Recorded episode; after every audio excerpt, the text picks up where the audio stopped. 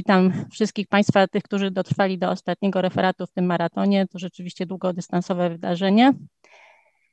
No i ja opowiem o kosmicznych rozbłyskach promieniowania gamma. Także zacznę od tego, co to jest w ogóle promieniowanie gamma, bo tutaj są pewne e, czasami rozbieżności opinii, jak zdefiniować, co to jest promieniowanie gamma. No wiemy, że literką grecką gamma oznacza się foton. To się zgadza i tak zostanie na razie. E, natomiast e, to, co dzieci uczą się w szkole, że jest rozpad gamma, tak? No i rozpada się jądro atomowe i wskutek tego radioaktywnego rozpadu wysyłane są promienie gamma. W astronomii to troszeczkę inaczej definiujemy, to znaczy ogólnie pochodzenie tych fotonów może być różne. Może to być efekt elektromagnetyczny, cokolwiek, no, na przykład elektrony poruszające się w polu magnetycznym po spiralnych torach, po, po, po okręgach e, emitują promieniowanie gamma. Albo elektrony y, zderzające się z niskoenergetycznymi fotonami wskutek odwrotnego efektu Comptona. Rozprasza, rozpraszają te fotony i fotony uzyskują większe energię. W każdym razie zakres gamma to jest dla nas y, zakres energii y, fotonów w okolicy ponad 100 kiloelektronowoltów lub też długości fali, które są odwrotnie skorelowane z energią fotonu E, takie, że to już jest rzeczywiście rzędu rozmiaru jądra atomowego. No i to promieniowanie gamma szczęśliwie dla nas, kosmiczne promieniowanie gamma nie przenika przez atmosferę Ziemi, dzięki temu jesteśmy bezpieczni tutaj e, pod atmosferą, natomiast aby badać źródła promieniowania gamma, to potrzebujemy obserwacji satelitarnych. No i teraz okazało się w latach 60.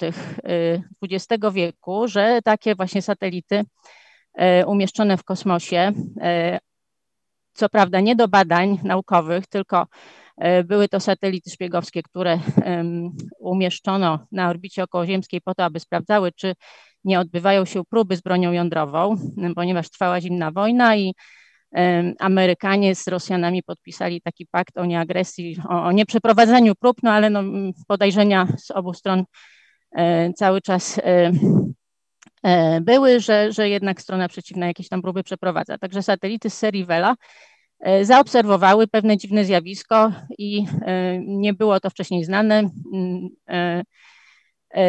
właśnie promieniowanie gamma. Tutaj mamy zdjęcie, czy też wykres takiego pierwszego rozbłysku, on jest bardzo słynny, z 2 lipca 1967 roku i on trwał kilka sekund.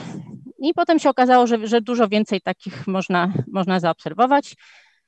I dopiero po około pięciu latach opublikowano te obserwacje i już to było w czasopiśmie naukowym Astrophysical Journal, ponieważ no, kilkuletnie sprawdzanie dowiodło tego, że jednak nie jest to zjawisko wywołane przez człowieka, ale zjawisko kosmiczne. No i od tamtej pory cała gromada teleskopów y, śledzi te y, rozbłyski gamma. Umieszczone zostały w kosmosie takie teleskopy jak Compton, teleskop Batse. Tutaj właśnie te dwa teleskopy prezentuję. Na animacji po lewej stronie jest taka, taka mapka i jeden z rozbłysków, czyli zliczenia na sekundę funkcji czasu, to mamy właśnie taki rozbłysk obrazowany, miga, ponieważ no to on, on raz się tylko zdarzył, ale, ale miga po to, żeby przykuć uwagę odbiorcy i uatrakcyjnić tą prezentację. Po prawej stronie mamy mapkę już nie migającą, ale jest to zbiór prawie 3000 obserwacji, które zostały zarejestrowane przez teleskop Batce i taka mapa E, w, we współrzędnych galaktycznych, pokazuje rozkład przestrzenny, rozkład, rozkład tych zjawisk na niebie. No i pokazuje coś bardzo istotnego, mianowicie, że rozbłyski gamma dochodzą z każdego możliwego kierunku. Mm, czyli no, prawdopodobnie znajdują się albo bardzo blisko nas, albo raczej bardzo daleko. No i teraz jeszcze jest pytanie, jak zlokalizować taki rozbłysk. W tej chwili mamy do dyspozycji y, sieć Gamma Ray Coordinates Network. Jest to sieć, która y, skupia y, wiele obserwatoriów. Tutaj mamy te obserwatoria satelitarne, satelity takie jak wspomniane już przeze mnie wcześniej oraz inne, na przykład misja SWIFT, amerykańska misja Integral międzynarodowa, operowana między innymi przez Europejską Agencję Kosmiczną i w tym jest, jest też wkład instrumentalny Polaków. Inne teleskopy na orbicie okołoziemskiej. No i ta sieć udostępnia lokalizację rozbłysków uzyskane z satelitów w trakcie trwania rozbłysku. To jest bardzo ważne, bo ten rozbłysk jest krótki, więc trzeba natychmiast go złapać. I koordynuje obserwacje teleskopami naziemnymi, czyli przesyła informacje do teleskopów radiowych, do teleskopów optycznych umieszczonych na Ziemię i te same teleskopy nakierowują się na położenie rozbłysku i sprawdzają, czy jeszcze coś będzie widać. I jeżeli tak, to wszystkie te informacje są bardzo istotne po to, aby jak najdokładniej określić położenie na niebie tego rozbłysku, no i odległość, czyli stwierdzić, czy to jest no, z kosmosu, ale czy z dalekiego, czy z bliskiego kosmosu. E, robione są takie mapy triangulacyjne, to znaczy e, po to, żeby wyznaczyć współrzędne jakiegoś rozbłysku gamma, mm, trzeba mieć obserwacje z trzech satelitów, a, a może nawet więcej się przyda, wtedy błąd jest mniejszy.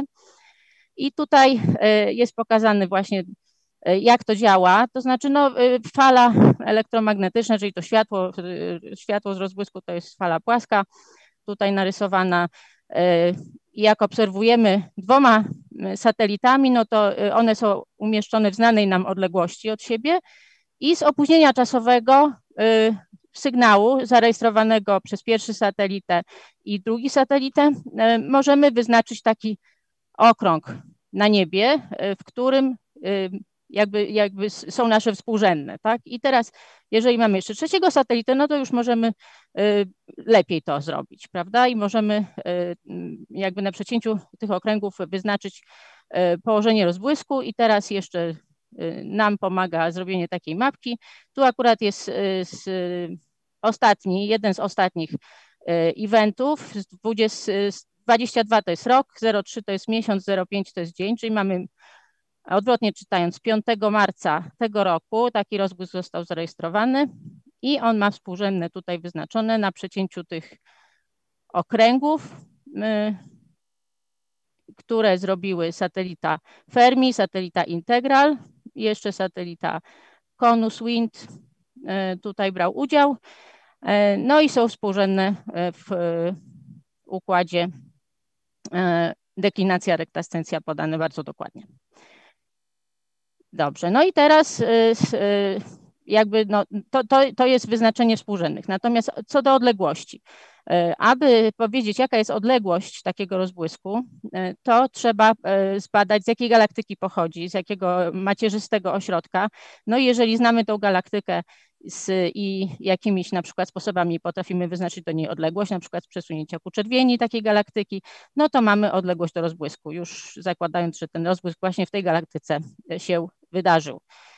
E, pierwszej takiej, e, takiego, takiej mm, identyfikacji dokonał włoski satelita Beposax na początku lat 90. No i tutaj mamy taki rozbłysk, właśnie e, jeden z rozbłysków i obserwacje już teleskopami optycznymi. Akurat tutaj jest teleskop Keck, a także z teleskopu Hubble'a obserwacje, prawda? Czyli wielozakresowe pomiary światła rozbłysku zostały przeprowadzone. No i te wszystkie informacje nam pozwalają y, jakby y, wysnuć y, hipotezy o tym, co to są te, co to są te rozbłyski.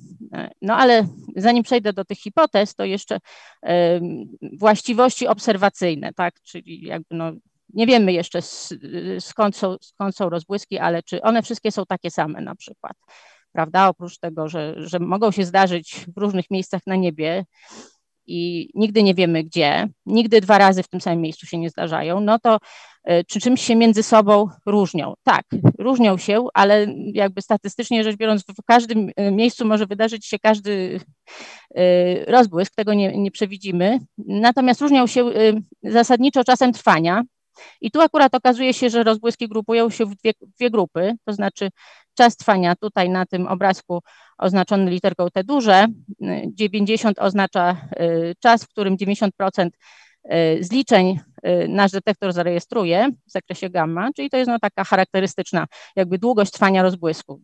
100% na, to, to nigdy nie wiemy, dlatego że jest bardzo mm, silny poziom tła Natomiast to, to jest taka charakterystyczna wartość. No i te czasy trwania są od ułamka sekundy do kilkuset sekund. Tutaj y, taki zakres jest przedstawiony. No i rzeczywiście widać y, jakby dwie grupy. Tak, długie tutaj w tym miejscu mniej więcej się grupują, a tutaj krótkie. Co to jest HR? No to jest stosunek ilości zliczeń w zakresie w dwóch, w dwóch przedziałach, tak? czyli twarde między 50 a 100 kiloelektronowoltów do miękkich między 25 a 50 kiloelektronowoltów. Czyli to pokazuje nam jakby no, hardness ratio y, to jest taka jakby brzydkie tłumaczenie byłoby z, stosunek twardości, ale tak naprawdę chodzi o kolor, prawda? No, no, kolor takiego rozbłysku. Czyli te są, te są bardziej jakby niebieskie, te bardziej czerwone, gdybyśmy pokolorowali y, naszą mapkę. Y, no ale to jest w zakresie gamma. I jeszcze tutaj mamy narysowane y, kształty pulsów, y, rozmaite są te kształty. Niektóre mają po jednym piku, niektóre mają kilka, kilkanaście, y, no rzadko kiedy kilkadziesiąt takich pików, ale też są subpulsy. Tak jak widać tutaj po prawej stronie długi błysk, 62 sekundy, trwający, ma trzy główne pulsy, ale też kilka subpulsów na każdym z nich. I dla porównania błysk po lewej stronie jest to krótki błysk, całkowita jego długość to y, ćwierć sekundy, ale widać jakby podobieństwo, takie na pierwszy rzut oka nawet podobieństwo między tym krótkim a długim, e, a fragmentem długiego błysku jest, prawda? To, to jest też taka fenomenologiczna y, właściwość na razie. No ale każdy z nich jest trochę inny, mimo wszystko. Dwóch takich samych nie było. E, jeszcze powiem o tym, jak wygląda rozkład energii rozbłysków. Widmo energetyczne ma rozkład potęgowy, e, czyli tutaj takie właśnie e, ilość energii przypadająca na centymetr kwadratowy powierzchni detektora na jedną sekundę w zależności od energii fotonu ma kształt potęgowy. Czyli to jest widmo nietermiczne, nie jest to ciało doskonale czarne, jest to, jest to widmo nietermiczne. Zaraz, za chwilę powiem, z czego może się takie coś brać. E, ale co istotne, z danych można też wyznaczyć izotropowy równoważnik energii źródła, tak? czyli e, znając jakby ile e, energii przynosi nam na jedną sekundę taki rozbłysk i znając odległość, oszacowując odległość do tego źródła, możemy obliczyć, jaką energię ma źródło rozbłysku, ale zakładając, że ta, to promieniowanie rozchodzi się w sposób izotropowy, czyli w pełnym kącie bryłowym w, w, całej kuli, tak, i w kierunku Ziemi. No i tutaj widać tą, tą wartość wyznaczoną dla całej próbki rozbłysków gamma. Tutaj są krótkie, tu są długie, także te dwie grupy też się odtwarzają, prawda? I no to są ogromne energie. 10 do 52, 10 do 54 erga. No niestety astronomowie nadal używają tych śmiesznych jednostek ergów. Jak ktoś potrzebuje sobie przeliczyć na joule, to to trzeba podzielić przez 10 do 7. W każdym razie są to ogromne energie. Jest to, jest to więcej niż jasność całej galaktyki. Czy to jest możliwe, żeby energia y, izotropowa, y, izotropo, żeby to źródło rzeczywiście promieniowało izotropowo? No nie. E, my uważamy, że y, promieniowanie to nie jest izotropowe, jest ono skolimowane w wąskim stożku. Akurat w naszą stronę tyle leci, natomiast jeżeli to właśnie uwzględnimy, to y, wewnętrzna energia tego źródła będzie ze dwa rzędy wielkości mniejsza. No ale mimo wszystko są one bardzo jasne. Dlaczego te rozbłyski są tak jasne? Y, dlaczego blask źródła może przyćmić całą galaktykę? Y, za chwilę o tym powiem. Tu jeszcze kontynuując właśnie poprzednią myśl, pokazuję, że jeżeli pomyślimy, że to, to promieniowanie nie rozchodzi się izotropowo, to okaże się, że my prawdopodobnie znajdujemy się pod szczególnym kątem e, w kierunku, z którego rozchodzi się promieniowanie, a to promieniowanie rozchodzi się w wąskim stożku. Tutaj jest narysowany taki stożek jetu e, i my, nasz satelita, nasz detektor znajduje się gdzieś daleko, daleko, ale na osi tego jetu, tej wąskiej strugi materii, która promieniuje, promieniowanie gamma. Gdybyśmy znaleźli się w innym miejscu lub nasz rozbłysk byłby jakby w inną stronę skierowany, to byśmy go nie zobaczyli. No i teraz właśnie dochodzę do tych jetów. Promieniowanie pochodzi z relatywistycznych jetów. Tak się uważa. Źródłem takiego rozbłysku jest jet, struga materii poruszająca się z ogromną prędkością, bliską prędkości światła. No i właśnie w takim jetie, jeżeli e, jest tam silne pole magnetyczne, to mogą się przyspieszać elektrony. Elektrony przyspieszane w polu magnetycznym emitują promieniowanie synchrotronowe, promieniowanie w zakresie gamma. Właśnie tutaj mamy taki obrazek, który pokazuje sumę indywidualnych kontrybucji, czyli wkładów od poszczególnych elektronów. Tych elektronów oczywiście jest bardzo dużo. One mają potęgowy rozkład energii, czy też prędkości w układzie tego źródła. Tak? No i złożenie takich kontrybucji od wielu, wielu elektronów daje nam widmo potęgowe, potęgowe widmo promieniowania. Taki jet najprawdopodobniej formuje się w okolicy nowo powstałej czarnej dziury lub innej zwartej gwiazdy. Za chwilę o tym powiem. E, jeszcze jest e, inna ciekawa rzecz, to znaczy poświaty. E, po głównym rozbłysku, kiedy on już się skończy po tych dwóch, dwudziestu czy kilkuset sekundach, bardzo często obserwowana jest poświata w niższych energiach, która trwa często wiele tygodni. No i to jest też rzecz związana z tym, że sam rozbłysk gamma pochodzi z wąskiej strugi jetu. Mianowicie taki jet, jeżeli wyhamuje, przestaje już być skupiony prawda? I y, nasza struga y, nagle staje się sferyczną y, jakby strukturą, sferycznie rozchodzi się w ośrodku międzygwiazdowym, wyhamowuje swoją prędkość, no i wskutek tego promieniowanie emitowane po wyhamowaniu takiego jetu z z, tej tutaj, z tego tutaj obszaru, e, ma już dużo niższe energie i są to poświaty w zakresie od optycznego e, do ultrafioletu, do ultrafiolet, podczerwień i również radiowe. Tu widzimy kształt jakby krzywej blasku takiej poświaty. No i jak widać tutaj ona kończy się około kilku miesięcy po samym rozbłysku gamma.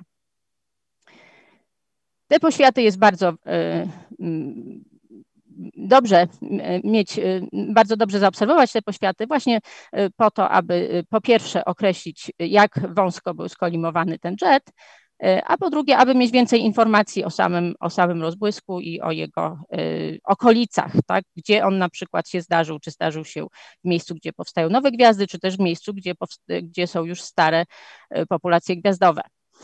A co w ogóle jest źródłem tych jetów? No właśnie, źródłem jetów powinny być gwiazdy, jakby no to, to jest to, czego najwięcej w kosmosie y, spotykamy. Y, no i mm, również y, po to, aby przyspieszyć taki jet, potrzebna jest ogromna energia, a największa energia, jaką znamy, to grawitacyjna energia potencjalna. Tylko po to, aby mieć bardzo dużą e, grawitacyjną energię e, związaną z gwiazdą, musimy mieć do czynienia z gwiazdą zwartą. Taka gwiazda jak Słońce nie jest zwarta. Słońce nie wyemituje jetu. E, natomiast gwiazda taka jak gwiazda neutronowa lub czarna dziura da radę, ponieważ właśnie energia potencjalna gwiazdy jest związana ze stosunkiem jej masy do rozmiarów, do promienia.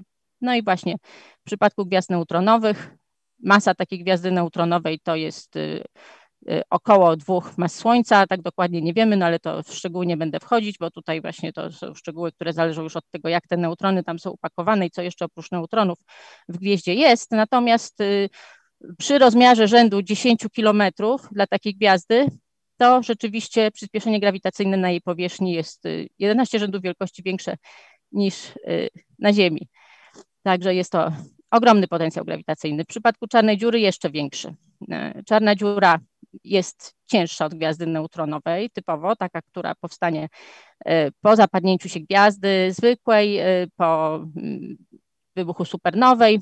Będzie miała masę od 3 do około 20 lub nawet więcej, e, może być kilkadziesiąt mas Słońca, a rozmiar bardzo mały, liczony w promieniach Schwarzschilda to będzie około 10 kilometrów albo też coś koło tego. No i oczywiście potencjał takiej czarnej dziury jest ogromny i dzięki niemu możemy przyspieszyć jet y, wylatujący z okolicy czarnej dziury do bardzo ogromnych prędkości, wykorzystując y, grawitację. Jak to się dokładnie robi, y, to ja tutaj nie będę na tym wykładzie popularnym wchodziła w szczegóły, ale jak, jak powiedziałam na początku, mamy dwie klasy rozbłysków gamma, długie i krótkie. Te długie mają czasy trwania na tyle mm, długie, że do tego, aby powstał jet i aby on przez pewien czas był emitowany, potrzebna jest dosyć duża ilość materii, która będzie właśnie akreowała, czyli wpadała do czarnej dziury po orbicie w takim dysku akrecyjnym. No i jeżeli tej materii jest wystarczająco dużo, to potencjał grawitacyjny tej czarnej dziury wciągającej materię będzie e, wykorzystywany do przyspieszenia jetu przez dostatecznie długi czas. E, no i e, właśnie okazuje się, że masy w dużej gwieździe jest wystarczająco dużo na tyle, żeby właśnie wyprodukować jet związany z długim rozbłyskiem gamma. Oczywiście znaczna część tej gwiazdy zostanie odrzucona, znaczna część jej otoczki zostanie odrzucona w eksplozji supernowej. Te supernowe obserwuje się, one towarzyszą długim rozbłyskom gamma. Bardzo często takie obserwacje już, już mamy. E, natomiast pewna niezaniedbywalna część y, masy tej gwiazdy, jeżeli tylko gwiazda szybko się obraca, to jest bardzo ważne, zostanie skupiona w płaszczyźnie równikowej i utworzy y, dysk akrecyjny, który będzie zasilał y, emitowany jet. Także stąd mamy długie rozbłyski gamma, a skąd mamy krótkie rozbłyski gamma? No, musi być mniej materii, ale uważa się obecnie, że krótkie rozbłyski gamma pochodzą ze zderzenia się pary gwiazd neutronowych lub też gwiazdy neutronowej z czarną dziurą. E, ta druga rzecz jeszcze nie jest potwierdzona obserwacyjnie, ale ta pierwsza, czyli zderzenie dwóch gwiazd neutronowych, zostało potwierdzone obserwacyjnie. Wcześniej mieliśmy tylko teorię, mieliśmy symulacje komputerowe. Tutaj jedną z takich symulacji przedstawiam. E, pokazuje ona etapy Y, zlewania się ze sobą pary gwiazd neutronowych. Na pierwszym obrazku są one rozdzielone, później zbliżają się do siebie, spiralują wokół siebie, zlewają. E, powstaje jakaś taka dziwna struktura, która może być jakimś przejściowym obiektem, hipermasywną gwiazdą neutronową, która jest zbyt ciężka i za chwilę i tak się zapadnie do czarnej dziury. Tu widzimy ten moment, wtedy zostanie wyemitowana fala grawitacyjna i taką falę zaobserwowano. LIGO zaobserwowano, zaobserwowało e, falę grawitacyjną pochodzącą ze zlewających się gwiazd neutronowych. E, ta obserwacja jest przedstawiona na tym e, dolnym obrazku, natomiast później mamy jeszcze możliwość pozostałej części materii, e, która wpadnie do czarnej dziury, jeżeli jest namagnesowana, silne pole magnetyczne jest tutaj przekonfigurowywane materia wlecze ze sobą to pole magnetyczne, ponieważ ona jest elektrycznie naładowana, pole magnetyczne jednak przekonfigurowuje się, y, powstają otwarte linie sił pola magnetycznego i wzdłuż y, tej osi emitowany jest jet, który jest źródłem rozbłysku gamma. No i taki rozbłysk zaobserwowano y, w tym samym miejscu, w którym wcześniej, półtorej sekundy wcześniej, powstała fala grawitacyjna. I ta słynna obserwacja jest dowodem na to, że krótki rozbłysk gamma pochodził ze zlewającej się pary gwiazd neutronowych. I tę obserwację w 2017 roku wykonało mm, Obserwatorium LIGO i kilka obserwatoriów e, gamma umieszczonych na naszej orbicie, Integral i Fermi tutaj przedstawiają swoje wyniki. Także dziękuję Państwu za uwagę. Mam nadzieję, że jakoś strasznie nie przedłużyłam, ale żeby to zrekompensować, to jeszcze mam filmik, który e, jakby podsumowuje to, o czym powiedziałam. To jest filmik z YouTube'a, więc powinien się ładnie wyświetlić.